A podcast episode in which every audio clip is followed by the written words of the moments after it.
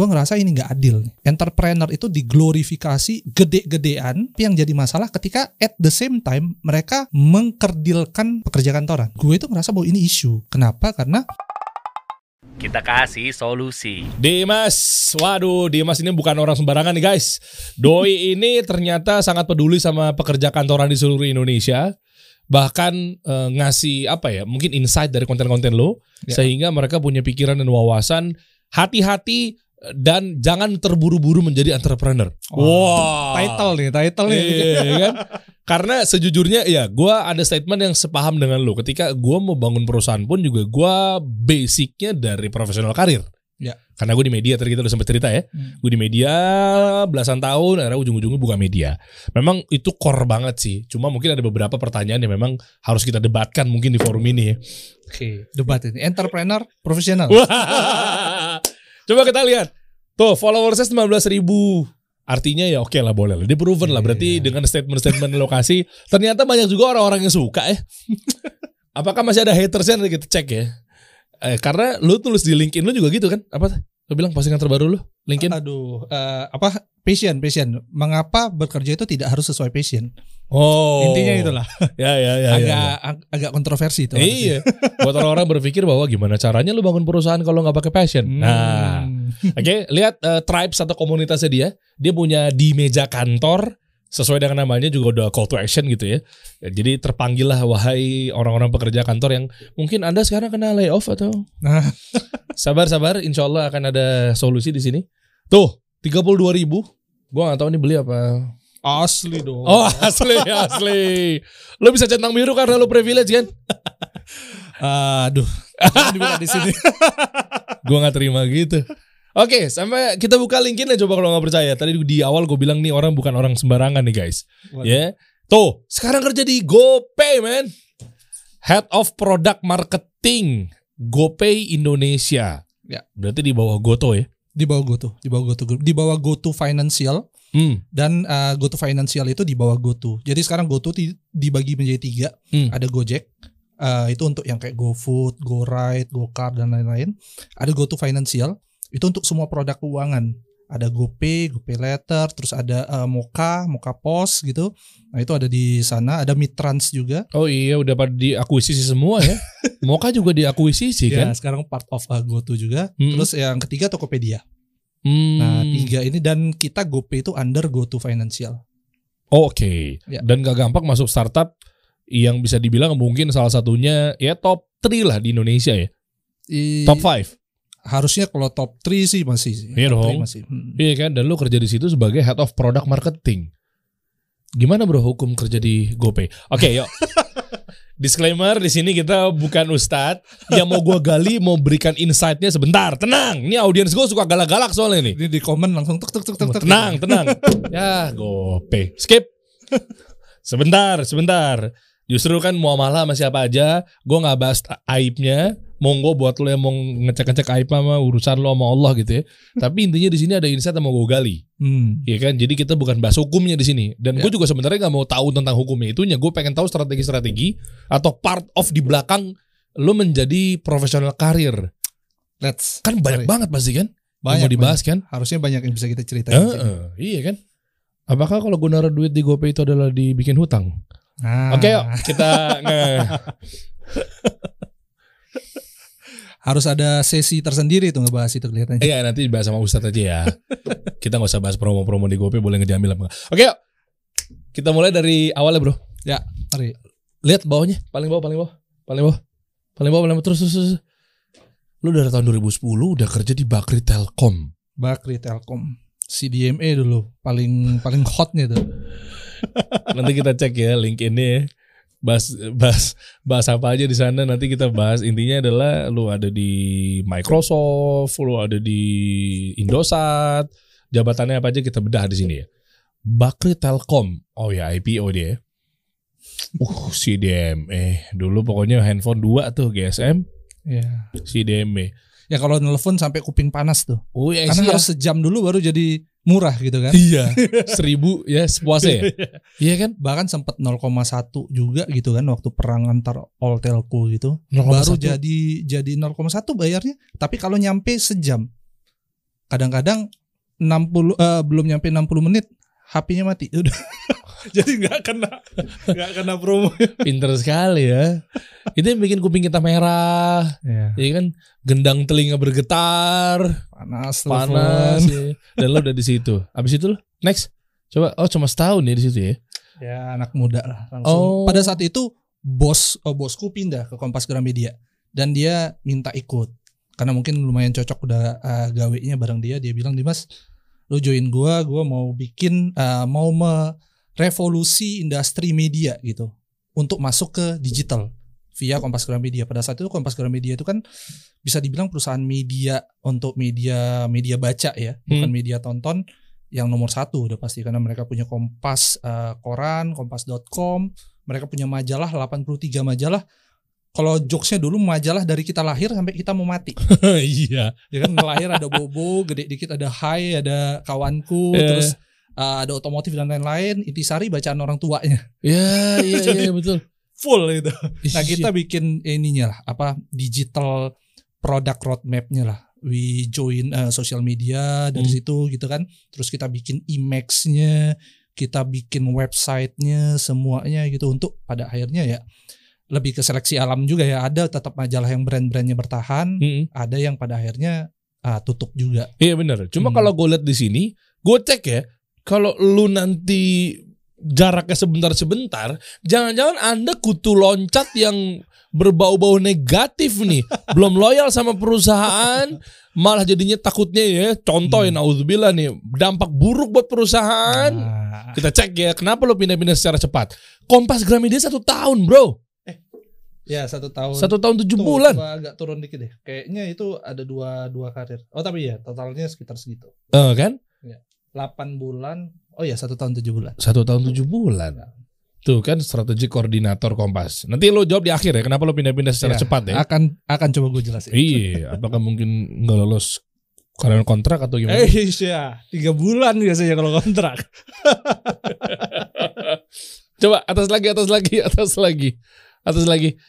Ah ini Microsoft Hmm. dua tahun, oke lah.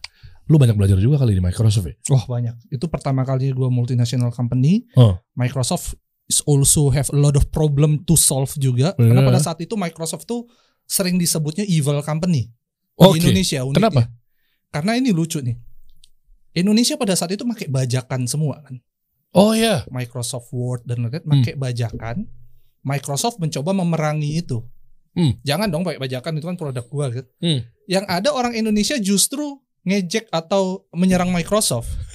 itu agak aneh tuh. aneh banget sih di era itu. Ya tahu gue. Jadi semua orang kalau Microsoft itu bikin kayak uh, apa sih namanya uh, razia lah gitu kan Iya, iya, toko-toko iya. itu segala macam ngambilin mereka tuh justru diejekin sama diserang itu kan aneh mindset Eh, tapi di situ waktu gue masuk uh, presiden direkturnya Pak Andreas Diantoro bilang Dimas kami itu B2B company banget kami pengen mulai masuk B2C bantu kita untuk mulai mengedukasi market gitu bahwa Microsoft itu memang jualannya software and akan bagus kalau kalian mulai belajar membayar menggunakannya gitu. Yang kedua adalah karena B2B tadi kesannya jauh banget sama pengguna kan. Hmm. Mereka minta untuk Sorry, dibikin. Hmm. sorry, Hmm. minta dibikin banyak inisiatif yang mendekatkan Microsoft itu ke end consumer. Hmm. That's why uh, ya gue bikin sosial medianya dulu, terus gue juga localize uh, websitenya, terus uh, gue bikin kayak Microsoft Netizen Night, terus campaign-campaign lokal banget Microsoft lah. Dulu tuh uniknya kalau misalnya kerja di MNC, kerjaan kita kalau kita nggak pushback, kita tuh cuman trans translating campaign dari US. Existing gitu. Jadi ditranslate, pure ditranslate, Oh, terus dibikin di Indonesia nggak diubah apa pun. salah nggak itu? Menurut gue salah banget sih. Salahnya di mana? Kan Karena tiap negara itu punya beda culture. Ah ya. Campaign yang sukses di US, mungkin sukses even di China misalnya agak deket Asia juga gitu. Itu belum tentu sukses di Indonesia. Hmm. That's why waktu gue masuk gue bilang kalau lo mau sukses, kasih kami izin untuk create campaign based on culture Indonesia Ya. eh, sendiri gitu. behaviornya beda, ya kan? banget, banget, banget. Jadi nggak bisa pakai target market tuh. Di sana laki-laki kan target market gitu ya. Gue gue juga juga lagi edukasi juga sih Hmm. ke para UMKM UMKM yang saya juga sebenarnya lelah gitu kepala saya. di ranah kita kita punya domain masing-masing lah ya. Hmm, hmm. Ya kan, lo di ranah yang tadi masalah profesional karir gitu, gue mungkin di marketing branding. Kadang kita keliling-keliling Indonesia, panggung tuh panggung, ngelenong, cuma ngasih tahu, men sekarang ekosistemnya udah berubah loh, target market udah nggak ada, lah terus ya orang-orang yang mungkin masih oldish apa segala macam. Lah terus kalau nggak ada target market, gimana cara jualannya? Nah itu kan, gue bilang itu nggak salah kalau di tahun 89 ke belakang. Iya. Kalau di tahun sekarang udah nggak lagi target market tapi target behavior. Bener banget. Jadi belum tentu nih Amerika laki-laki. Lo menyasar oke lah. Misalnya kalau ngomongin target market, Microsoft misalnya buat laki-laki. Iya. Orang kantoran. Apakah sama laki-laki orang kantoran di Indonesia perilakunya belum tentu. Ih, bener banget sih. Kalau gue itu selalu bilang bahwa pasang target sekarang kalau dulu demografis only, Enggak. sekarang tuh psikografis. Lah itu karena kan psikografi sama behavioristik itu masuknya di target behavior. Bener. Jadi bener menyasarnya udah marketing 2.0 sampai 4.0 udah nggak lagi pakai 4P. Hai para dosen, semangat terus. Wih, itu marketing dulu mix jadul banget. Bukan berarti Philip ilmu Kotler, Philip Kotler. Philip Kotler, man. Tapi sementara coba deh lu hijrah ke James Mary Drew gitu loh. Yang udah pakai 3.0 ke atas. Hmm. Kan eranya dulu ada Kotler, sekarang ada Drew. Kan gitu kan. Iya. Maksud gua Berevolusi lagi iyalah juga lah. gitu. Gitu. loh maksud gue. Ya udahlah ya, pokoknya intinya begitu kan. Artinya beda tuh. Lanjut. Ya, tapi satu satu jurusan eh satu aliran tuh kita kalau misalnya konsep berpikir. Makanya lu bantu gue juga dong ke orang Facebook Oke. Indonesia buat Deal. centang biru. Centang biru. Mbak, Mbak Revi kalau Anda melihat di sini tolong dibantu lah. Anda mau cek saya di media? Eh, silakan aja googling. Enggak, enggak, enggak, enggak. Oke, oke. Akhirnya ternyata lu bawa satu formula Yes. Iya kan dan- dengan bilang bahwa di Amerika sama sekarang mungkin belum tentu behavior Beda, sama. Beda banget Oke. gitu. Dan gue punya CMO yang oke pada saat itu. Ada namanya Willy Hendra Judo sekarang dia di Amazon. Dia eh, apa eh, endorse gue lah pada saat itu untuk pemikiran lo ya gue juga bantu bantu bareng-bareng push lah dia juga punya banyak pemikiran akhirnya kita creating something kayak ya lokal lokal culture campaign lah gitu yang pada akhirnya susah juga tuh ngepush ke Redmond ke Hmm. markasnya US itu sampai pada akhirnya diterima gitu Wih. seru lah seru tapi dua tahun cukup Dua tahun cukup ya. Eh ralat gue tadi gue ngomongin James Mary Drew. Jen Mary Drew. Jen, Jen. Sorry, sorry. Oke baru ingat gue. Lanjut. Mana naik ke atas? Coba naik ke atas. Senior mar- Manager Marketing Telkomsel. Ini BUMN gak sih? BUM Badan Usaha milik BUMN. Agak redundant ya, ya. milik Telkom kan sebabnya. Jadi semi-semi lah. Jadi kalau masuk itu orang-orangnya lumayan seperti orang-orang BUMN tapi masih lumayan liar juga berpikir untuk bikin yang Oh. aneh-aneh. Jadi Tapi good time sih di Telkomsel. Jadi BUM BUMN. BUMB, Iya kan? Badan Usaha milik BUMN. Oke. Dua tahun. Tadi dua tahun, sekarang dua tahun lagi. Nah, sempat jadi siklus tuh, selalu sekitar dua tahun itu. Di Telkomsel, lu belajar apa di sini? Nah di Telkomsel tuh gue bukan eh, nge-push barang-barang yang sering kalian pegang kayak eh, paket data or call or SMS. Tapi gue itu nge-push digital advertising. Oke. Jadi Telkomsel itu kan dominate market Indonesia crazy kan. Oh Gede jelas. banget kan. Iyalah. Jadi sebenarnya mereka yang memang paling layak kalau mau bikin network mereka itu jadi senjata untuk marketing. Imagine dengan total segitu, mereka kalau misalnya nge-push message itu kan bisa benar-benar mungkin sebagian besar mungkin bisa 80% orang Indonesia kali. Iya. Gua nggak tahu market leader terakhir mereka berapa. Itu bisa terima message. Jadi sebenarnya brand-brand itu bisa bayar Telkomsel untuk nge-push mereka punya message. Dan Wow. pada saat itu mereka punya produk kayak ya SM, SMS blast sudah pasti, Hmm. location based uh, advertising, SMS tapi based on lokasi gitu kan. Oh iya. kan. Setiap gue masuk ke sini Dapat dapat, ya kan? itu lu ju- jualan kami banget. Eh jembatan Bengawan Solo misalnya, ting, wow udah masuk di Solo nih, ada lagi, nggak tahu lah bentuknya. Bandara sering banget kita dapet kan. Bandara, oh, Terus macam-macam. juga itu kayak um, kayak off deck banner dan kita ngelahirin dulu unik-uniknya Telkomsel vending machine. Jadi Hmm. kalau misalnya kita taruh vending machine dan lu pakai Telkomsel, kita jual dulu ke brandnya, lu bisa sampling, taruh di vending machine kita dan kalau orang pakai Telkomsel mereka bisa scan gratis dapat. Hmm. Jadi itu makanya vending machine-nya jadi uh, mesin untuk beriklan gitu.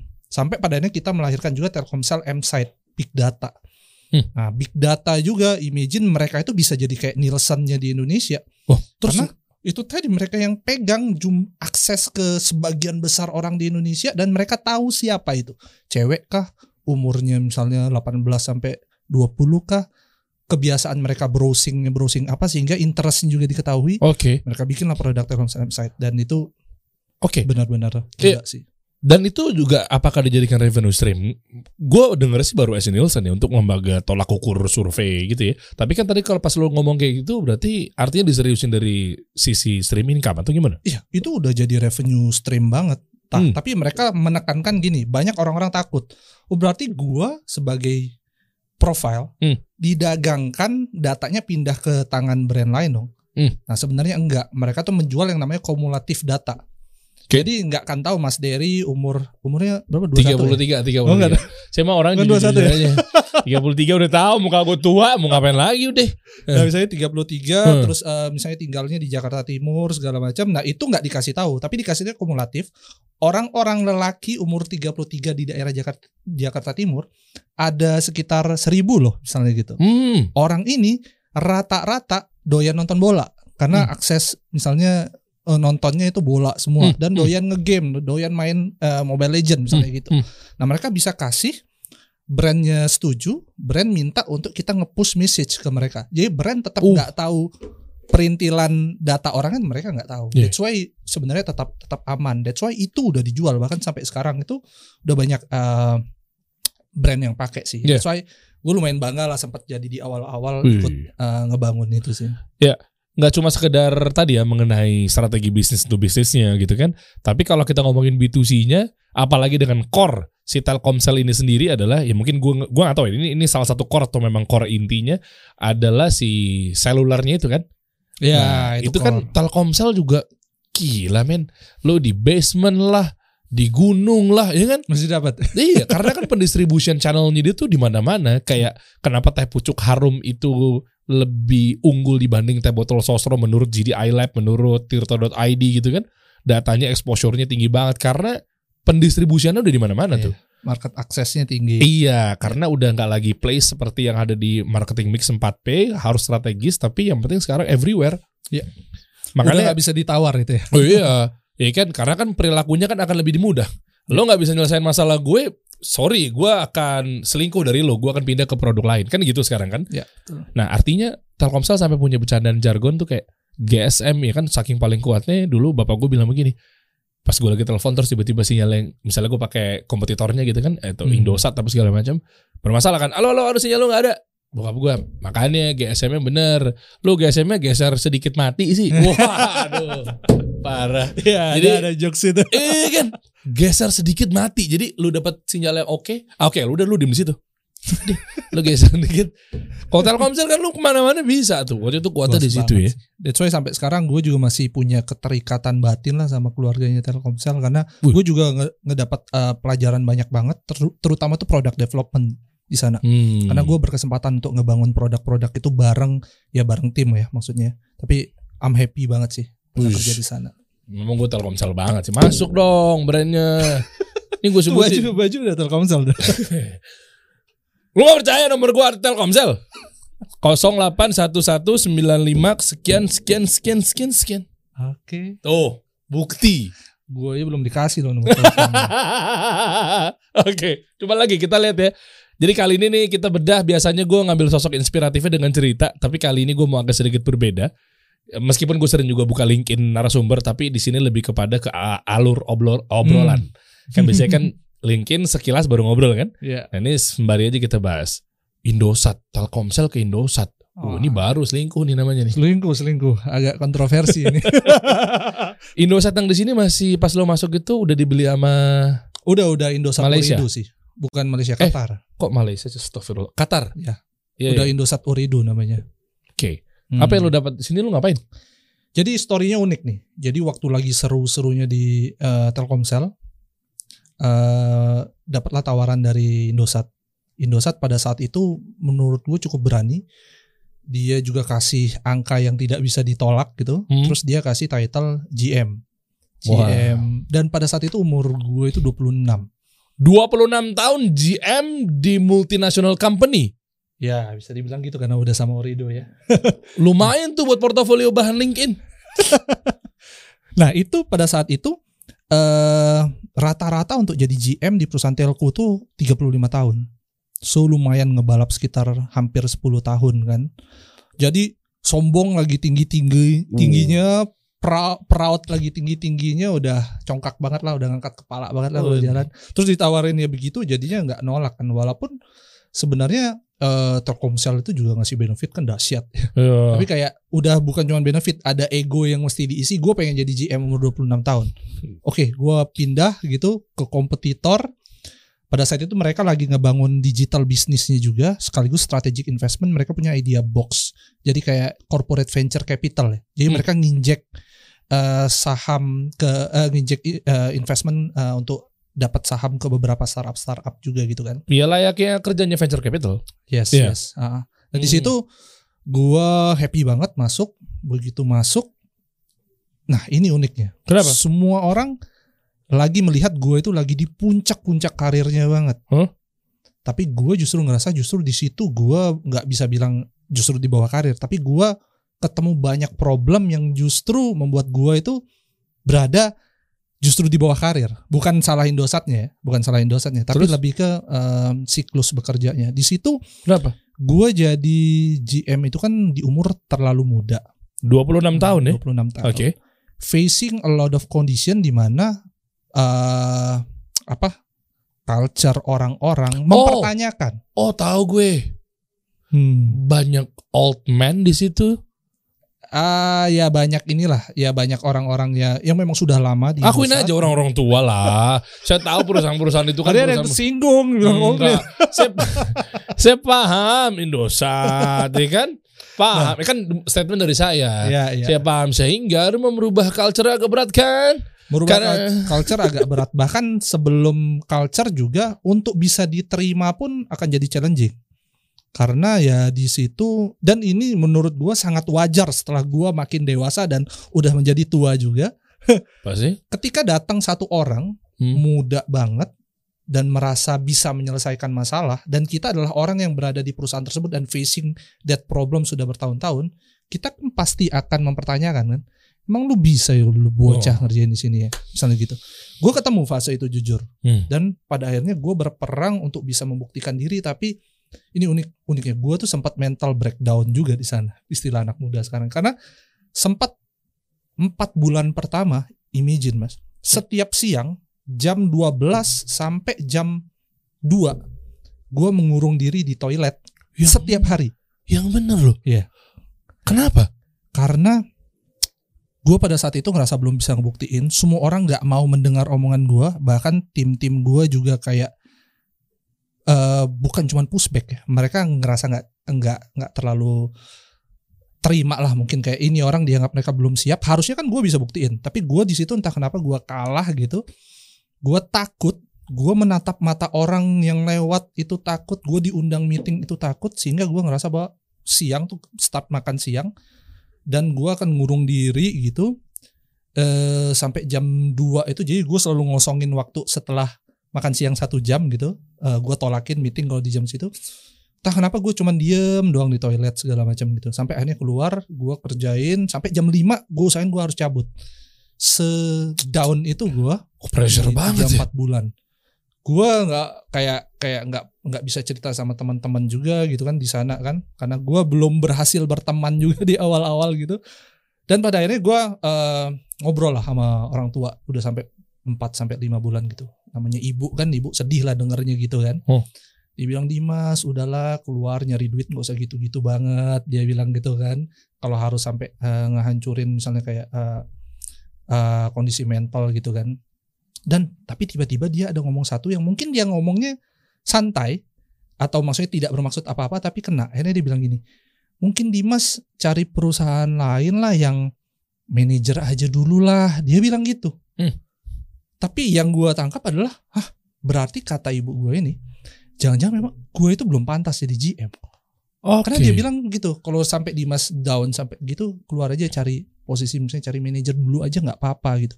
Di situ jadi tamparan yang cukup keras ke gua bahwa gua mesti buktiin. Ini tandanya Ya pertama omongan ibu gue benar, jangan-jangan hemat waktu 10 tahun tadi tidak selalu baik karena di satu perspektif kita justru kehilangan 10 tahun buat belajar. Hmm. Di mana orang punya 10 tahun sampai umur 35 tahun tuh baru jadi GM kan. Mereka Hmm. udah cukup matang. Gue tuh justru kehilangan. Oh iya bener Iya kan? Bener pa- eh, problem solvingnya mungkin beda Design atau memutuskan sesuatunya juga beda Ngomong sama orang Iya. juga kayak mentalitinya beda kan. Di Iya. situ akhirnya gue bilang sama eh, mama, mah kasih Dimas waktu. Dimas mau taklukin dulu nih company gitu kan. Hmm. Alhasil ya pada saat itu gue berubah banget. Bahkan untuk tim yang tadinya gue itu takut sama mereka segala macam, gue jadi keras dan cukup tegas. Bahkan pada saat itu eh, Indosat lumayan agak geger karena gue itu ngeluarin SP. Buh. Di mana company kayak Indosat itu family-nya kuat banget. Ah. SP itu memang ada peraturannya tapi jarang dipakai lah.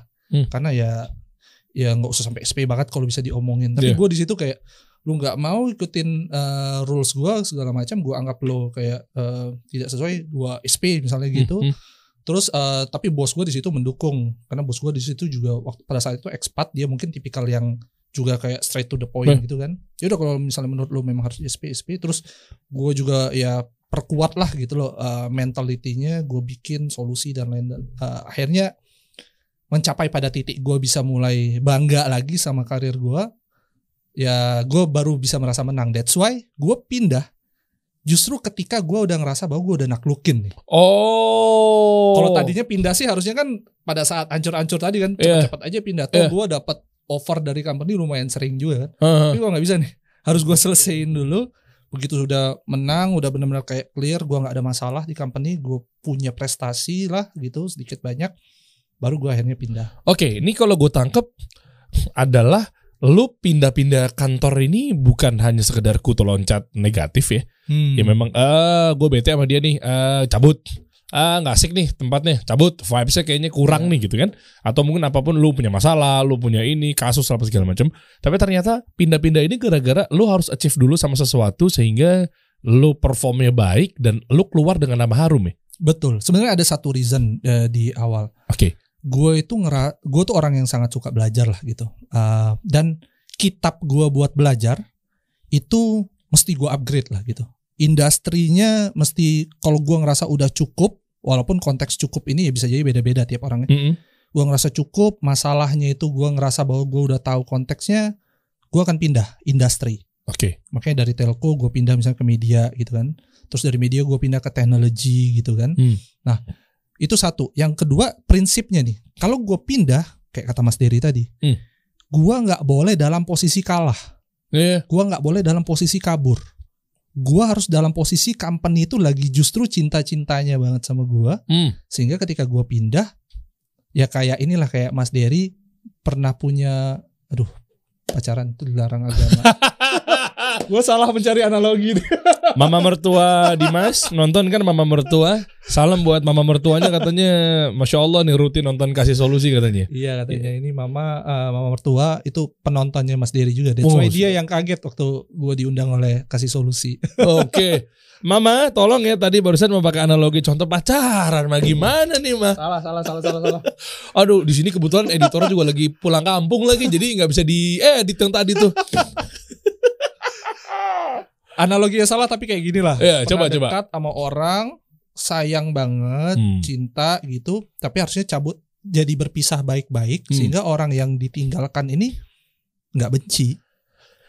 Kayaknya Justru ini. kayak ngerasa bahwa if Ya. you come back again, I will open my hand again. Oh iya. kayak gitulah pengennya eh, sama tiap company itu prinsip prinsip yang gue selalu pegang deh coy ketika di Indosat tadi ngerasa punya masalah Hmm. gue nggak keluar ketika punya masalah tapi justru ketika gue menye- menyelesaikan memperbaiki hubungan Hmm. oke nih kayak udah siap gue tinggal ya gue tinggal ya Masya Allah. Memang gue sepakat di situ ya. Kenapa? Karena waktu gue juga ninggalin, ini gue sebut merek aja lah. Gue ninggalin Trax FM waktu itu oh, ketika Trax FM dulu Trax FM, oh, Trax oke. FM. Ketika gue jadi program director tuh, eh gue nggak tahu kalau di dalam mungkin eh, founder dan teman-temannya atau mungkin para jajaran yang merasa di atas gue ngerasa ah nggak gitu ah misalnya kayak gitu ya udahlah ya. Tapi di situ mungkin menurut gue ketika waktu itu achieve masukin Trax FM ke Nielsen. Oh Soalnya oke. waktu itu kan buat bahan jualan, kalau kita ngomong sisi sales ya, eh, gimana cara dia jualan, pitching, tapi sementara radio kita nggak masuk di SN Nielsen. Hmm. Itu mesti minimal, let's say misalnya sekian ratus ribu pendengar misalnya. Dan waktu itu nggak masuk tuh. Dan waktu itu lagi di bawah-bawahnya banget gitu Oke. kan. Akhirnya pas udah masuk, malah targetnya lebih cepat harusnya setahun mungkin waktu itu qadarullah alhamdulillah kalau kita ngomong ambil pelajaran nih eh, tiga bulanan Tiga masuk. bulan. iya gue di situ eh, megang posisi itu eh udah akhirnya gue harus fokus bisnis apa segala macem gitu meskipun ada beberapa yang kayak what gitu kan tapi maksud gue eh, kayaknya harusnya udah tepat sih kalau gue cabut pun gitu Iya. Kayak Lebih gitu enak kan. ya ninggalinnya juga Lebih kayak enak. Ini maksudnya gini loh, lu ambil pelajarannya gini teman-teman. Bukan berarti lu semena-mena sama perusahaannya. Ini ini di Hmm. luar konteks itu. Tapi lu mau apa pun itu kebutuhan lo, tujuan lo, goal lo atau apa pun itu yang yang mungkin dirasa itu terbaik gitu ya. Lu coba benahin dulu lu di kantor gimana. Kayak tadi Bener. Dimas bilang gue setuju banget. Bukan berarti kayak aku udah malas nih. Ah, targetnya nggak tercapai tercapai nih atau mungkin ya apa pun lah lu mau cabut tiba-tiba mungkin luar sana kayak udah saatnya lu bisnis udah saatnya lu bisnis gitu kan Iya. tapi sementara lu juga sama perusahaan juga nggak ngasih kontribusi apa-apa gitu loh. Maaf-maaf nih, tapi tiba-tiba kayak, oh ini bisnis saya deh. Cus, resign, resign, resign, gitu loh maksudnya. Iya.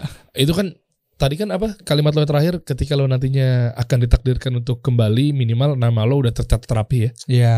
Gitu di Hubungan perusahaan. baik, perusahaan membuka diri itu tandanya berarti ketika kita pisah dulu kita pisahnya baik-baik banget dan Hmm. namanya harum lah gitu. Waduh. Pengennya gitu sih. Semoga memang company-company yang gue tinggal ngerasa gitu ya. Iya, Jangan iya. cuma gue doang yang GR. Kayaknya lo doang deh ngerasa. Seru nih perjalanannya dia nih. Sampai akhirnya nanti kita bahas mengenai GoPay dan lu punya Iya. tribe satu komunitas yang namanya di meja kantor ya. Yes. Nah, kenapa lu bikin itu? Kenapa lu mau support banget orang-orang profesional karir ketika lu udah di situ udah diem dulu, jangan buru-buru lu bisnis, sementara udah kuat core-nya baru lu jalanin bisnis. Ya. Cuma itu cukup kontroversi sih apakah memang orang-orang profesional karir doang yang bisa berbisnis gitu apa gimana? Nah, kita bahas nanti. Nanti nanti ya. Loket. Ah, loket. Ini dekat sekali nih dengan Java Musikindo. Dulu kantornya tuh di sini Office 88 lantai berapa? Lantai berapa? Gue lupa, gue lupa. Kok- di sini? Loh, kok nggak ketemu gue? Tahun Iya. berapa? Tahun 2017. Tuh kan, harusnya sih Udah di sini. gue sih baru setahun di sini. Ah, ya pantas deh. Kirain. Oke. Oke. Vice President man, man, man, man, man. Lu langsung masuk langsung jadi VP. Iya, jadi VP pada saat itu. Sebelumnya di mana coba? Tadi di Indosat Indosat. GM. Lo Microsoftnya mana? Oh nanti ya, setelah ini ya. Jadi siklusnya pas tuh. Nah, itu uniknya gue dulu waktu awal kerja 2010, gue punya mission. Gue tuh orang yang punya eh, apa ya? Gue better planning banget. Hmm. Gue tuh punya memang eh, kecenderungan ngeplan dari awal apa pun itu jauh banget. Dulu gue punya mimpi bahwa masuk kerja gue harus jadi VP sebelum 30 tahun. Oh, Oke. Itu entah kenapa gue pegang terus ini Hmm. kejadian. Nah, eh, di sisi di sisi lain sih maksudnya kayak gue selalu bilang bahwa ke orang-orang yang jadi yang ngobrol sama gue bahwa planning itu penting banget. Hmm. Ketimbang kalaupun ke jalan atau nggak ke jalan tuh planning akan sangat mending lo gagal tapi lo sebelumnya nge-planning daripada gagal lo memang nggak nge-planning akhirnya Hmm. cuman cuman nyesel doang kenapa nggak lo lakuin gitu kan. Betul. Itu akhirnya kejadian di Betul. umur berapa itu Oh. berarti ya? Eh, mungkin sekitar umur 29-an ya. Dan- 29-an ya kayaknya. Dua sembilan. di- Oke, sekarang betul umur lo tiga satu ya? Tiga- dua. empat eh tiga tiga tiga tiga tiga Tiga tiga. Sumuran dong ya? Sama gue. iya, seumuran ya Lo delapan sembilan. delapan delapan Oh Tuhan. Gue lebih tua. Oh. Bener, harusnya gue manggil lo opa. Jangan lupa Lo manggil gue juga. Dek. jenggot nggak sepanjang itu Oke, VP, VP, VP. Pindah, Loket. ya. Loket ini kan berarti udah diambil juga kan? ya nah itu unik 2017 waktu gue digoda sama mereka gitu Hmm. nggak dikasih tahu bahwa loket itu di lagi proses diakuisisi oleh Gojek Ini kan payment gateway yang ketika lo mau beli tiket, ya. mau beli apa pun itu kan? Nah, not just payment gateway all technology things untuk event Oh ya. nah, loket yang ngurus Eh, cuma kan ujung-ujungnya kan ke payment gateway kan? payment ya Iya kan, ujungnya ke payment Event-event Java. Eh, kita ngomong pengalaman aja ya, pelajaran Hmm. ya. Java Musikindo, Java Jazz ya. Java Java Jazz itu Enggak ya? eh, enggak. Ibu Kita itu sama Ismaya. oh Ismaya. Terus PK Entertainment. Ya ini juga untuk pelajarannya kayak konser-konser gitu. Kebanyakan eh, sama loket. Tapi di luar konser kayak PRJ gitu-gitu kan sama loket juga tuh. Hmm. Jadi memang the biggest ticketing solution lah gitu. Tadi lo bilang pelajaran kenapa agak takut-takut gitu mau ngomong DWP. Ada langsung tawa. Berarti komen penuh nih. Oh, oh. kenapa terakhir kenapa dan kok langsung notice gitu? Steve Aoki ya? Si- Nah, oh, Tobat Anda semua. Hey. Mana nih alumni-alumni DWP bagus. Ismaya. Hai dong. Kan masih ada teman-teman gue soalnya. Duh mungkin malu deh. Berarti lu gagal deh ngedawain mereka lah Memang tugas ustadz Maksud gue Harusnya kan Ya iya gue support iya Cuma kan untuk masalah dalil Gue agak mikir-mikir Teman-teman gue masih di sana Ayo Semangat Keluar keluar Dia waktu di loket tuh Oke. awalnya nggak dibilang itu eh, di akuisisi Gojek.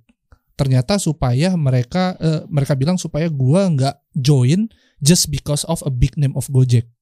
Nah, Oke Gua tanda tangan pada saat itu juga kayak ini ya dapat dapat saham or something gitu kan. Kok bisa?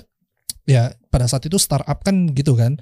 Eh, salah satu nilai jualnya karena mereka baru naik, mereka untuk executive position mereka ya daya tariknya mereka kasih saham gitu. Loh tapi kan Dia udah ada pendanaan Pasti fundraising kan Loket tuh pada saat itu yes tapi mereka belum yang 100% di akuisisi Gojek pada saat itu kan Bukan bukan kan tadi lu bilang gua gak tahu ya ini jangan-jangan Hmm. persepsi kita eh, kurang perspektif nih. Hmm. Artinya gini, ketika tadi lu ke loket, lu bilang tadi masalah startup kan dulu gitu dikasih saham apa segala macam. Ya. Apakah ini selalu melulu membahas mengenai nggak mampu bayar misal sehingga dapat saham Oh. atau apa nih? belum tentu jadi bis- bukan cuman misalnya perihal nggak nggak mampu bayar gaji tinggi sehingga mereka ganti dengan saham Hmm. tapi bisa jadi juga to give sense of ownership. Oh, beda kalau misalnya kita kerja kita ngerasa saham kita ada di sana gitu loh. Oh iya, iya, gitu oke, kan? Nah oke. itu jadi lebih ke tujuan eh, eksekutif levelnya itu dikasih saham. Nah pada saat itu begitu masuk pas banget loket langsung pengumuman mereka diakuisisi Gojek. Wah. So, menang lumayan menang banyak tuh. Karena dari segi saham berarti kan digantikan jadi saham saham eh, Gojek yang pada akhirnya sekarang IPO gitu kan Dan lo berarti delusi nggak saham lo? eh enggak sih karena secara value tuh benar-benar eh, value-nya dianggap sama dimasuk pada saat itu Berarti masih ada saham lo juga dong di Gojek? Enggak dong. masih ada Emang iya? Ya sangat kecil ya maksudnya untuk Iya, tahu, tahu, tahu. tapi masih ada gue masih punya saham Gojek Wih, berarti lo yang punya Gojek dong. ya nggak gitu juga sih, tapi ya part of part of Iya, iya, semua juga punya Gojek karena publik kan. Iya sudah IPO kan orang Iya. udah bisa tinggal beli tapi lumayan pada saat itu kan ya jadinya kita yang dapat pada saat-saat dulu kan jumlahnya kan dikonversi ke sekarang lumayan gede kan. Itu maksud gue tadi delusinya tuh di situ. Di dilihatnya tuh ketika lo tadinya sekian, bisa jadi sekian. Tapi antara delusi itu artinya equity saham lo kan berarti ada yang bayarkan. Jadi kalau di Lo dapat cash nggak? eh, sampai sekarang waktu kita dikasih dan IPO itu benar-benar di eh, dijadikan saham yang sekarang ya terdaftar di eh, Oh. sekuritasnya gitu. Cuma mungkin jadi kecil ya. Keputusan kita yang mau tarik atau eh, nggak tarik gitu kan, Hmm. nge-cashin atau enggak dan sekarang gue belum cashin. Memang masih masih masih belief lah gitu. Ada berapa di situ saham lo? Jangan dibicarakan. Oh. Enak. Enggak bisa kabarin kalau takutnya dia butuh duit berapa gitu. Kata orang Gojek lah gedean juga cash gue dibanding cash lo. Oke, ya siap siap siap. Ya. Oke, baru akhirnya lo belajar banyak di situ mengenai ya, perkantoran, operation. Fokusnya di mana operationnya berarti lo? Gue Digital, marketing. marketing ya? Gue marketing total dari awal gue adalah marketer. Dari zaman Bakri sampai sekarang itu fokus gue banget dan memang gue pegang teguh lah. Oh, gue pikir tadi dari zaman Bakri sampai zaman Erlangga Hartarto gue Oh, pikir gitu. Beda-beda. Nggak, gue pikir, gue pikir, gue pikir. Makanya di sini kan nggak ada bahas begitu-begitu. Gue hampir mau cancel aja tuh. Nanti dipotong orang loh masuk TikTok loh. Nggak apa-apa viral deh. Ternyata dari zaman Bakri, Hmm. maksudnya Bakri Telkom, Bakri Telkom. sampai kerja sampai zaman sekarang. Iya. Bukan perpartaiannya. Oke, baru deh bikin deh di meja kantor. Ya, awal pandemi tuh. Dan dirasa kenapa lo udah cukup dengan hadirnya di meja kantor ini kan artinya kan podcast yang bercerita tentang dunia kerja ya, Ya. karir, semuanya di situ kan.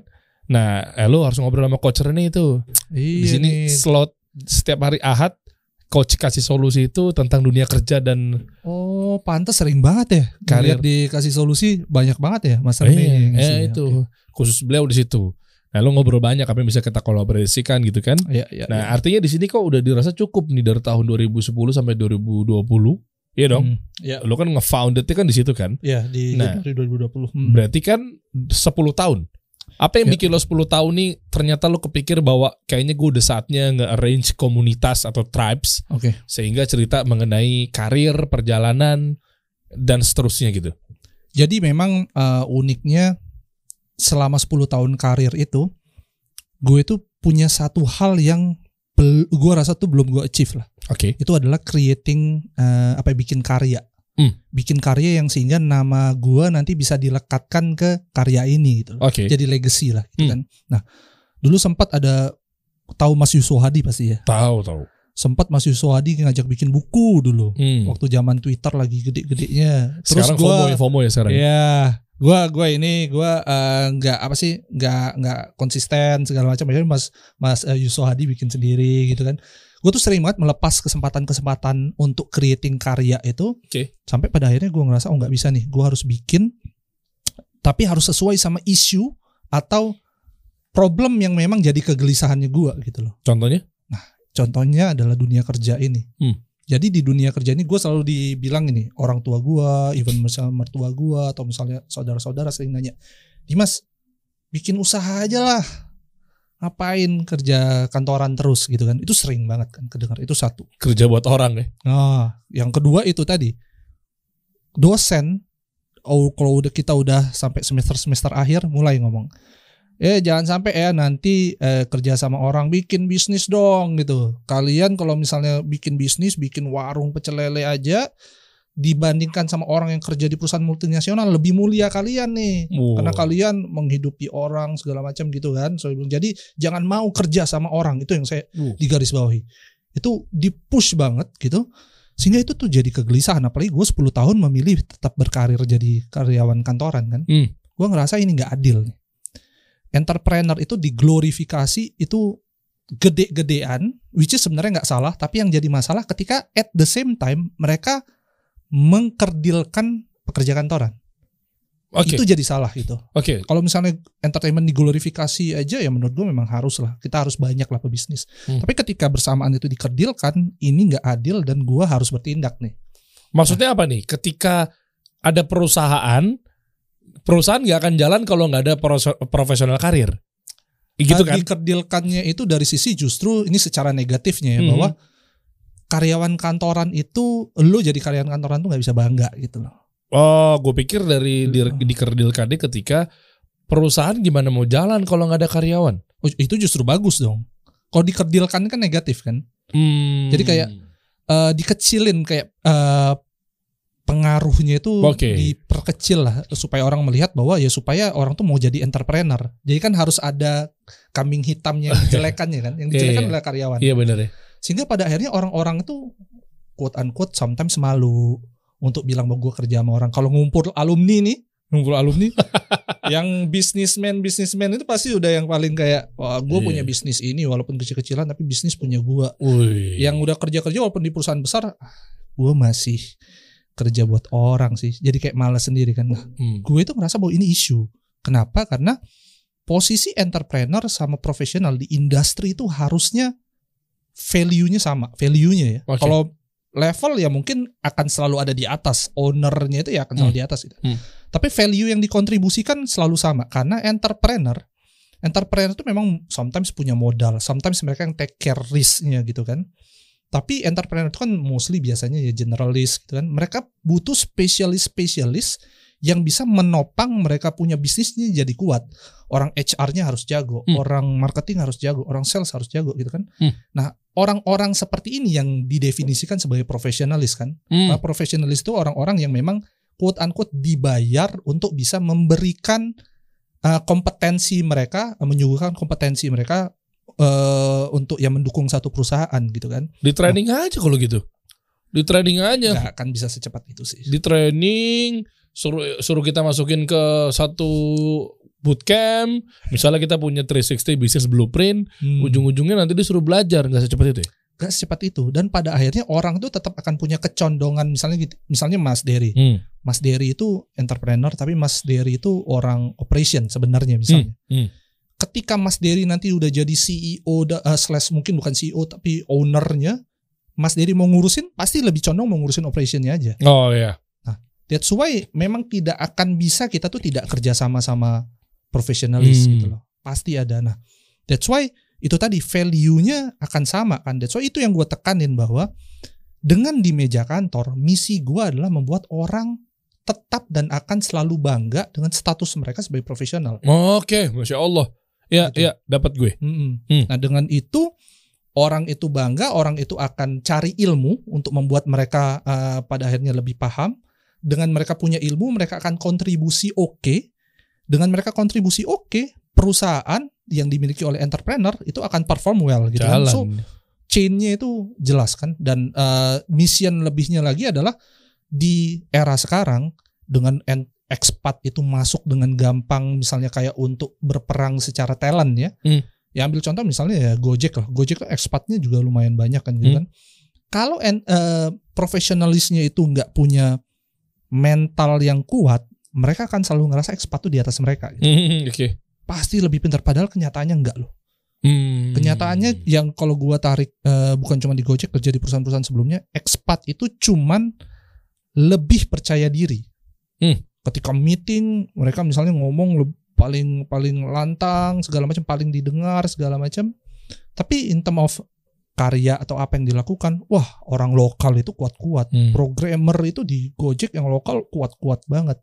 Jadi itu yang gua gali. Jadi ilmunya mereka, gue push mereka untuk cari ilmu, Hmm. push mereka untuk bikin personal branding yang kuat Hmm. di diri mereka, push mereka untuk berani nunjukin ke luar bahwa siapa mereka, sehingga harga mereka sebagai profesional naik. Gitu kan. Oke. Dan mereka ya intinya kayak secara value itu tinggi. Nah itu yang jadi misi di meja kantor. Oke, tapi goalnya ke mana kalau gue boleh tahu? Artinya ketika lo sharing-sharing ilmu seputar karir, Hmm. sharing-sharing ilmu juga kan seputar apa pun itu, bedah studi kasus, apa pun lah realita kehidupan tentang orang atau karyawan kantoran. Iya. Apakah nantinya biar dibina untuk menjadi profesional karir, the real karir, Hmm. atau memang ujung-ujungnya ini lo abis dari lo udah kuasain ilmunya di dunia pekerjaan, baru lo buka Nah, bisnis. oke. Nah, gimana? nih? dua hal nih kalau Oke. jadi goal gua. Hmm. Yang pertama kebanggaan tadi jadi common thing. Oke. Jadi kebanggaan untuk jadi profesionalis, kebanggaan untuk mau cari ilmu, mau kontribusi gede tadi jadi common thing. Jadi orang itu tidak yang cuman jadi roda doang dalam company gitu kan. Itu nomor satu. Yang nomor dua benar kata Mas Dery. Hmm. Sebenarnya gua masih mengendorse entrepreneur karena gua pengen mereka nantinya jadi entrepreneur yang memang siap dan pada waktu yang tepat. Oke, berarti itu goal utama sekian persen dominasinya lah. Ya bisa dibilang gitu. Oh, Oke, Mm-mm. oke. Jadi sebenarnya gue masih mengendorse entrepreneur. Banyak juga yang se- sering nge-DM gue. Bahkan orang-orang bilang, eh bro salah lo. Kiblat itu tetap jadi entrepreneur. Memang tetap namanya karyawan tuh di bawah entrepreneur. Gue bilang, eh gue itu masih mengendorse entrepreneur. Hmm. Tapi justru gue mempersiapkan orang untuk jadi entrepreneur di momen yang tepat. Ah, Misalnya ini. gini, ada orang lulus jadi teknik eh, sebagai teknik industri. Hmm. Because of sudah di brainwash harus jadi entrepreneur segera. Akhirnya dia memaksakan dirinya bikin usaha yang jauh dari keilmuan dia Hmm. dan pada akhirnya ya syukur-syukur kalau ternyata meledak ya tapi Hmm. pada akhirnya misalnya gagal dan dia baru menyalahkan diri pada saatnya dia nggak siap gitu imagine kayak Mas Dery lah Mas Dery, Mas Dery media media media pada akhirnya bikin kasih solusi yang Hmm. ya, core-nya juga media kan Hmm. pasti feeling Mas Dery ketika jadi entrepreneur itu beda Oh, Karena iya. gua menjual sesuatu yang memang sebelumnya udah gue perjuangkan untuk jadi eh, core-nya iya, gua iya. gitu kan. Oh iya iya iya. itu kepengen gue banget Oh sih. nangkep. Ya kali ini memang betul-betul gue support banget ya. Kenapa? Karena gimana caranya lo buka usaha tapi lo nggak ngerti dari DNA brand lo itu, dari bisnis modelnya, value propositionnya, apa segala macam kan. Kalau lo nggak pernah terjun di ranah itu gitu loh. betul Iya kan? Lo misalnya tadi di dunia apa? Misalnya eh, IT apa segala macam gitu. Mungkin banyak banget turunannya tuh. ya. Hmm. Tapi ketika lo bikin let's say apa ya nggak ada hubungannya deh misalnya lo lama di di di orang softwarenya tiba-tiba lo bikin perusahaan software development gitu. Hmm. Iya kan? Artinya kan pasti kan lo tahu ya mencahin masalah ketika ketemu badai yang ini kayak gimana. Banget. Iya kan? Ketika ada penyerangan eh, tsunami dari depan gua ke belakang ke kiri ke kanan ke atas sama Yes. ke bawah ya. Kayak gitu-gitu kan. Karena kalau lo langsung ngegas ngegas ngegas aja dengan dapet syubhat dan doktrinisasi mulai aja dulu gue nggak salahin tagline mulai aja dulu ya tapi kadang mulai aja dulu tuh harus betul-betul harus dikasih edukasi yang benar. Betul betul. Mungkin orang-orang yang memiliki tagline mulai aja dulu dia pun juga menggaungkan dengan struktur yang benar. Oh, mulai aja dulu tuh Tokopedia. Gue gue udah disclaimer lo baru ngeh lagi. Ya tapi tapi Enggak enggak bener enggak Mas gue kan tempat lo kerja juga kan. Iya, iya. Artinya gue gak menyalahkan Tadi gue udah disclaimer lo baru ngeh Oh iya juga ya loading loading loading. Enggak maksud gue gini Iya itu tagline bagus Iya. Mulai aja dulu itu mengandung value sama call to action menurut gue Banget. Dia kan oke lah itu ada value-nya udah pokoknya bismillah udah gitu. Nah cuma untungnya Tokopedia pinter. Ah, aman tuh loh. Nah. Teman-teman Tokopedia aman. Untungnya Tokopedia pinter. Pinter dalam arti ketika dia mendeliver tuh message gitu ya. Kayak misalkan video advertisingnya, video konten-kontennya itu didasari dengan eh, iya makna dari si mulai aja dulu itu. iya. Iya kan? Konteksnya pas sih. Pas, Hmm. oh begini. Nah, tapi buat teman-teman yang nelan mentah-mentah ketika kena mulai dulu tapi mungkin bukan juga melihat dari konten-konten atau value yang dituangkan sama Tokopedia atau mungkin yang serupa dengan brand menggunakan tagline tersebut, ditelan mentah-mentah, ya udah deh, ada Tumblr nih. Oke, ya sip. Oke langsung cari. Oke, oh ini ada nggak maklon nih? Oke langsung gas foto. Oke dijual Tumblr. Wah, Yes. parah Nggak itu. salah tapi disayangkan. Sayang, Mbak. Waktu habis, men. Iya, betul. Yang kayak gitu maksud gue. Tokopedia udah bisa. Sudah bisa masuk. Iya. Placement, placement. belum, belum ada nih. Hmm. Masa Dedi doang lu perhatiin? Hmm. Emang lebih kurang smart people yang ini ya? Gue bawa Shopee nih. Ikut nih. Iya kan? Maksudnya kayak gitu-gitu tuh iya gue setuju banget. Makanya lu ada di em, di meja kantor ini. Coba buka dong. Meja kantor dong. Menarik ya apa yang lu share sih bro? Eh, Teknik-teknik atau mungkin Wah, mulai dari dasar karena gue selalu bilang bahwa di, di meja kantor ini ini terbuka untuk pertama multi level, bukan multi level marketing, multi level industri, multi level marketing juga nggak ada yang salah gitu. Oke. gue banyak disclaimer. A- Multi level apa, apa? maksudnya Menurut eh, lu MLM multi level, eh, multi level marketing itu bagus. Bagusnya di yang sebelah mana nih? Ketika ada uang peluang itu, pendaftaran untuk peluang. Gue takut nih salah ngomong di sini, bahaya banget. Lo kan gue nanya, maksudnya lu kan tadi bahasa MLM. MLM itu adalah bisnis yang totally bagus. Iya, yang eh. bahaya itu adalah apa? Yang akadnya. bahaya kak bukan ak- gua akad nggak terlalu nggak Hmm. terlalu punya ilmu lah untuk membahas itu. Ya, bahaya ya. yang berbahaya itu adalah kalau dari segi komunikasi orang-orangnya tidak tepat itu merusak banyak persahabatan. Itu Satu, gue selalu bilang. Satu itu doang kan. Hmm. Berarti kalau misalkan bentuk transaksi muamalahnya ketika ada uang pendaftaran jual peluang itu nggak apa-apa. Gue nggak berani komen karena bukan bukan expertnya di bidang gitu. Atau hidup dari rekrutmen. Oke, ya, coba ya. Reels, reels, reels, reels. Coba buka reels. Oh real. Coba kita lihat aja tolak ukurnya kira-kira ada yang views. Wow gede ya. 6 sifat tidak 6 sifat tidak profesional yang harus dihindari di tempat kerja 38 eh 34 ribu. Oh, eh, positioning lu jelas men bahas perkantoran. Total total fokus bahas perkantoran. Oh, ini lu set studionya juga modal juga ya. Oh yang bawa-bawa itu justru di kamar tuh. Tapi yang atas baru akhirnya gue bikin agak ya studio inilah yang di postingan terakhir yang di atas banget Harus lagi. itu yang belakang gelap. Nah itu Oh, ini lagi setting, iya, lagi iya, baru iya. mulai setting lah, mulai studio di sini. Tapi kayak kamera terus kayak pencahayaan Eh. itu kayak gue akhirnya mencoba memodalkan diri gitu eh, dari situ kayak mempersiapkan. eh, padahal di sini bukan bukan hal yang tempat gue cari duit ya. Tapi Hmm. kadang istri gue juga nanya kayak kamu spend spend waktu di sini, spend misalnya modal di sini segala macam.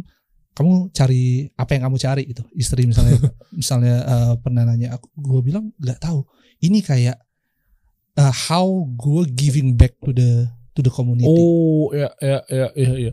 Tapi kan lu harus ada konversinya, harus ada call to action ya. Ini ke mana nih arahnya? nah that's why Bimbel misalnya. FYI ada satu venture capital yang pernah manggil ini unik sih Wih. manggil terus bilang bahwa gue tertarik sama ini barang tapi begitu dia tanya bisnis plan gue nggak jawab. Gue bilang emang di sini ini nggak ada bisnis bisnis uh, plan ya gue bilang. Karena ini lebih ke memang how I uh, giving back to the community I build the community I giving the advice to the community gitu. Terus dia ketawa dia bilang datang lagi ke gua kalau lo udah punya bisnis plan. Gua bilang ya bisa jadi gua nggak datang ke lo. Karena gue memang tidak belum ingin membuat ini jadi bisnis. Iya iya iya. Cuma kan pada dasarnya ini dari versi gue ya. Kalau memang tadi lu menggaungkan entrepreneur, artinya khawatir lu backfire dong. Lu akan nantinya malah bumerang buat diri lu sendiri. Hmm. Lu ngasih tahu orang-orang untuk gimana caranya lu kuatin dulu mental lo, knowledge lo, skill set lo untuk jadi entrepreneur gitu kan dengan lo berkarir udah udah sekarang udah nyemplung lo, lo pelajarin gitu ya. Ya, Selama pekerjaan itu halal apa segala macam let's say.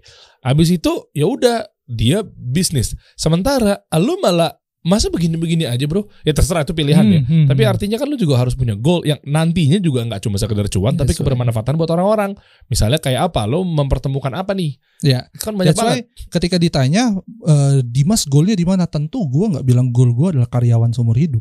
Gue Hmm. bilang gue juga goal gue entrepreneur kok. Tapi di sini eh, memang di sini misi gue punya misi di di meja kantor. eh, and when I create my opportunity to be entrepreneur, gue memang lagi nyusun dari apa experience gue sejauh ini kan. Misalnya gue bilang gue marketing, Hmm. terus eh, gue juga fokus di eh, technology industry kan. Hmm. Gue pengen create misalnya kayak eh, consultant, consultant marketing bahkan gue punya mimpi to create personal branding consultant. Hmm. Karena personal branding consultant di Indonesia itu yang beli servisnya itu politisi semua pak. Politisi, termasuk yang di anggota lantai DPR. Iya, iya, iya. termasuk yang di lantai Lantai mana? bawah aduh mau nyebut angka takutnya obvious banget lagi ada di bawah Aduh, gua bawah nggak- saya tahu. turun tujuh lantai deh Mm-mm. Iya kan Iya. nah, Iya, itu kan gitu. Ada perusahaan konsultan marketing. Aduh. Iya, kayak lanjut lanjut. lanjut. Pasti gue yakin konsumen beliau isinya politisi, anggota DPR. Pada akhirnya anggota DPR tuh minta dipasangin billboard, minta dibikinin poster dan lain-lain. Menurut gue itu bukan personal branding konsultan yang gue pengen. Gue nanti kepengen bikin personal branding konsultan yang memang fokus ke set- berbagai bentuk tipe orang. Bisa jadi dia entertainer, Hmm. bisa jadi dia profesionalis. Karena kalau di luar negeri personal branding itu nggak banyak justru politisi yang ambil, yang ambil CEO satu Iya. company Betul. gitu kan. Terus yang ambil juga misalnya tadi entertainer atau misalnya olahragawan gitu. Itu salah satu aja tuh contoh mimpi dan gua akan siapin itu dan sekarang yang lagi gue jalani di karir menuju ke sana juga. Wush. Yang lu di GoPay itu ya. Iya. Wush. Ditungguin lah berarti nanti. Sifatnya apa belum tahu. Hah? Entah itu online, offline. Benar-benar uh, 360 360 uh, agency lah gitu. Oke. 360 degrees agency. Tapi spesifikasinya di Personal branding. personal Pengen. branding. Oh, apa pun itu bentuknya. Ini gue omongin di sini supaya gue punya janji terhadap diri gue sendiri. Akhirnya gue ah, mau gak mau. bikin. iya, iya betul. Coba jangan jangan ninggalin di luar dari karir ini, Bro. Justru enggak, karena memang karir gue tuh kan gue bangun. Ah, bukan Eh, bukan Eh, pembahasan karir maksud Oh gue. pembahasan karir. Oh. Oh iya dong. Iya kan, maksudnya kan personal branding di karir misalnya buat nanti ujung-ujungnya lo bisa jadi apa gitu kan. Jadi kadang dia bangun personal brandingnya juga salah. Hmm. Berkarir tapi bangun personal brandnya salah. Salahnya di mana? Lucu salah satu kesalahan dari ribuan kesalahan orang-orang membangun personal branding di kantor adalah masa lu berangkat dari rumah muka lu satu nyampe kantor muka lu dua? Wah plot twist nih statement. Ya kan? Maksud gue lu personal brand kayak apa? Jilat. Masa Iya. personal brand itu sih? kesalahan besar sih. Iya kan? Personal branding itu tidak untuk mengemas hal yang tidak ada loh. Iya. Personal brand itu perihal kita mengekspos hal yang memang sudah ada kita expose dengan benar gitu loh. Iya. Jadi nggak bisa tuh Dimas yang sebenarnya bukan seperti itu dibikin personal branding untuk jadi orang lain. Wah itu itu juga salah di karir tuh banyak banget yang begitu. Iya tadi kan berangkat muka satu nyampe muka dua, iya kan? Iya kan berangkat jilat permen tapi nyampe sana jilat ucapan, ya macam-macam kan kita nggak tahu. Iya kan?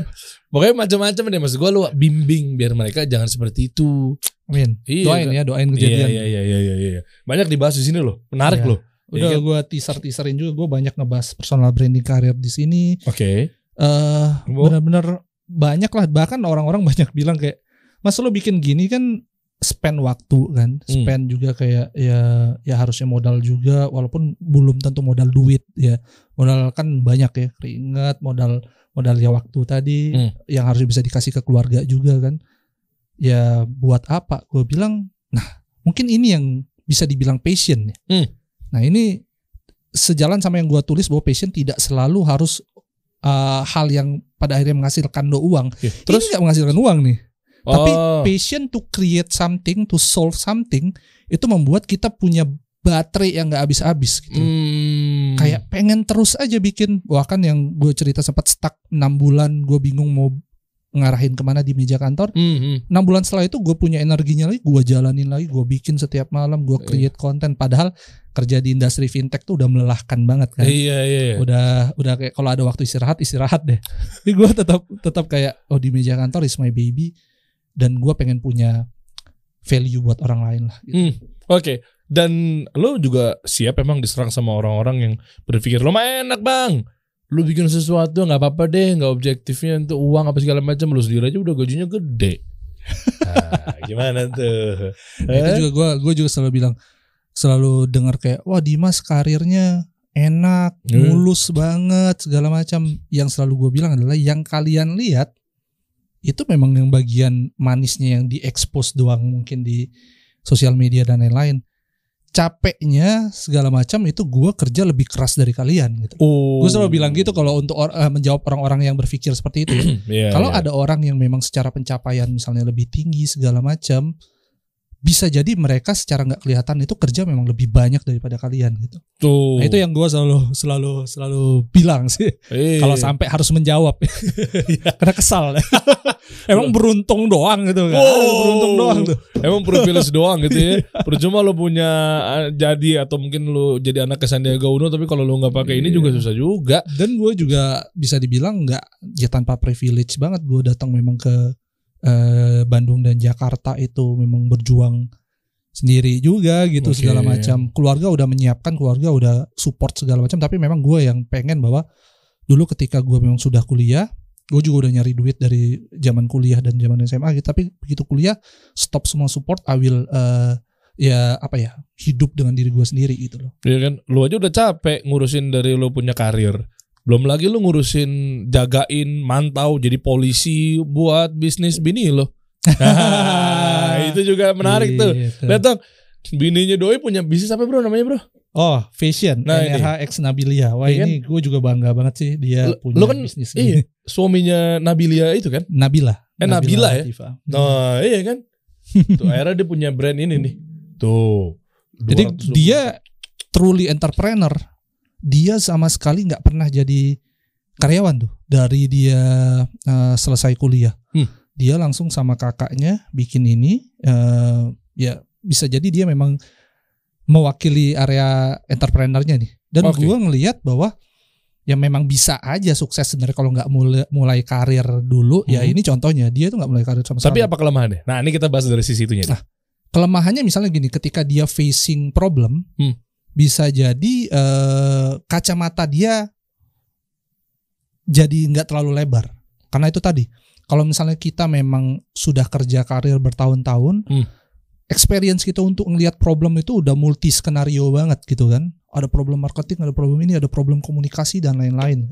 Nah kalau misalnya istri since eh, dia nggak pernah di karir misalnya dia jadinya nggak bisa terlalu detail dalam tuh ngelihat konteks itu Apa? tapi memang bagusnya dia kerjasama sama kakaknya di mana kakaknya adalah orang bisnis dan istri gue itu truly designer Oh. jadi ini menurut gua formasi kalau misalnya kita selalu nyebut kalau orang mau bikin eh, perusahaan entrepreneur ada business person, ada creative person. Nah, ini totally di bisnis NRH X Nabilia itu istri gua sama kakaknya seperti itu. Dan bisnisnya sukses banget. Dan Oh, iya, tapi enaknya gitu.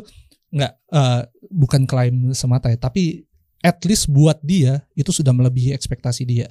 Dan gua selama eh, hidup bareng dia gitu jadinya sering ngasih banyak perspektif silang gitu. Wah, ini menarik nih. Maksud gue gini, boleh nggak kalau nggak konfidensial, lu buka satu kasus. Jadi buat teman-teman juga biar pada melek gitu ya. Hmm. Gimana caranya ketika mungkin pengusaha lu udah jalan tapi lu mungkin nggak punya background atau pengalaman di dunia karir sehingga ada satu momen yang memang gila nih gimana cara mecahinnya ya. Nah mungkin Hmm. butuh sudut pandang atau view dari si karir-karir ini gitu gimana? Contoh kasus aja, yang nggak konfidensial aja. gue bisa bilang ini belum belum tapi belum tereksekusi dengan total ya. Oke. Tapi istri itu lagi banyak ngomong gini. Kita itu ngebangun semua ini tuh nggak pakai strategi-strategi marketing yang dibangun orang-orang atau di sering diomongin orang-orang gitu. Terus? Ini murni eh, getok tular ya. Apa word of mouth ya. Mhm. Since dia juga maksudnya kayak punya reach yang oke di sosial media, dia punya taste yang bagus dari segi desain. Jadinya setiap dia ngomong tentang eh, fashion, orang itu mendengar. Lah ini kan bagian dari personal branding sama strategi Banget. marketing 3.0. Jadi Nah. eh, sorry harus Ya. gue potong ya karena ini ini penting banget buat buat eh, edukasinya. Artinya kan eh, lu mau menyuarakan sesuatu tapi kalau lu nggak punya value juga nggak akan didengar Banget. juga.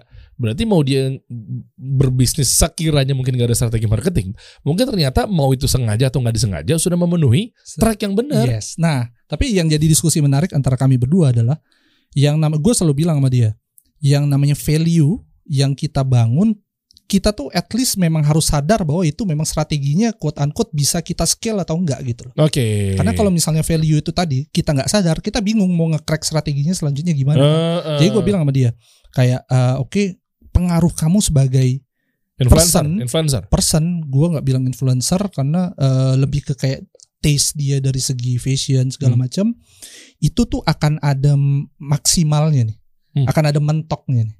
Pada akhirnya kamu harus mempersiapkan value-value lain sebelum value ini quote unquote kadaluarsa. Oke. Nah, value-value ini ya strategi yang kita pelajarin di office lah segala macam gitu, yang kayak strategi marketing uh, update-nya kita sama channel-channel gitu kan. Hmm. Kayak sekarang dari Instagram orang bilang dulu hanya Instagram tiba-tiba muncul TikTok segala macam gitu kan. Gue yang coba men- uh, menyadarkan dia bahwa nih tren udah bergerak ke arah sini nih. Hmm. Perusahaanmu udah ke arah sini belum? Nah, Hmm. dia juga akhirnya sering challenge bahwa oke, you are my husband, give me free advice dong. Masya Allah. Gimana nih? Kayak apa yang aku harus uh, lakukan marketing? Jadi sekarang pun ya gue coba lah lagi nyoba belum belum uh, belum tereksekusi tapi roadmapnya misalnya dia gitu secara marketing itu harus seperti apa. Hmm. Nah itu pada akhirnya kerjasama terjadi seperti itu. Tapi berbalik juga loh kayak gue juga di kantor gue tuh nanya perspektif manajemen eh, yang tinggi itu quote unquote sama dia. Gue tanya gini, kalau owner misalnya mikirnya itu kayak gimana sih kalau gue di bawahnya nih head of marketingnya itu punya idea seperti ini dan dia punya pemikiran simpel banget tapi mostly bisa jadi mewakili banyak eh, apa owner atau Hmm. manajemen yang tinggi ya. Karena Hmm. manajemen yang tinggi itu pasti pola pikirnya juga gitu kan. Gue Hmm. nggak mau repot-repot. Menurut gue begini, begini dan begini. Kadang kita profesional mikirnya itu terlalu ribet.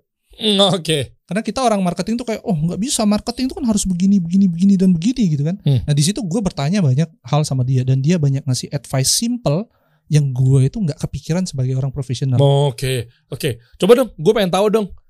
eh, sebagai di ujung nih pembahasan adalah strategi apa yang biasa lo lo lo dapat dari ketika lo karir, Hmm. lalu lo tuang ke mungkin ke lo advising ke bini lo atau mungkin ke usaha-usaha mana pun lah ketika mungkin teman lo apa segala macam. Gimana cara menyikapi ekosistem market zaman sekarang? Oke, kalau gue ngelihat nih, ya, Hmm.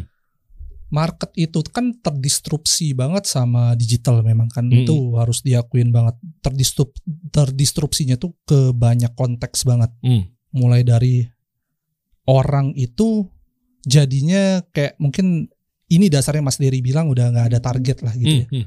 Semua orang tuh punya akses yang sama gitu. Semua orang itu juga punya kayak kemampuan yang sama untuk bisa eh, mendapatkan eh, berita dan mengeluarkan berita gitu. Oke. Semua orang udah jadi media dan lain-lain. Hmm. Jadi sekarang itu bahkan level of customer-nya itu udah jadi blur banget. Oke. Orang yang benar-benar level SIS quote unquote nih kasarnya rendah banget Hmm. bisa jadi mendistrupsi brand total karena dia bikin satu post yang pada akhirnya viral misalnya gitu Oke. kan gitu. Jadi gue selalu bilang bahwa ketika jadi marketer zaman sekarang apabila perusahaan lo kecil, perusahaan lo besar segala macam, nggak eh, nggak ada maksud maksudnya bisa jadi seperti apa pun kondisi skenario nya, kita mesti melek mata banget sama tren itu setahun sebelum tren itu kejadian. Oh caranya gimana? Jadi ya memang ini truly riset sih. Jadi Hmm. gua tuh selalu bilang gini. Misalnya kayak ya adanya TikTok itu ya. Hmm. Adanya TikTok misalnya tahun berapa gua nggak terlalu ingat segala macam.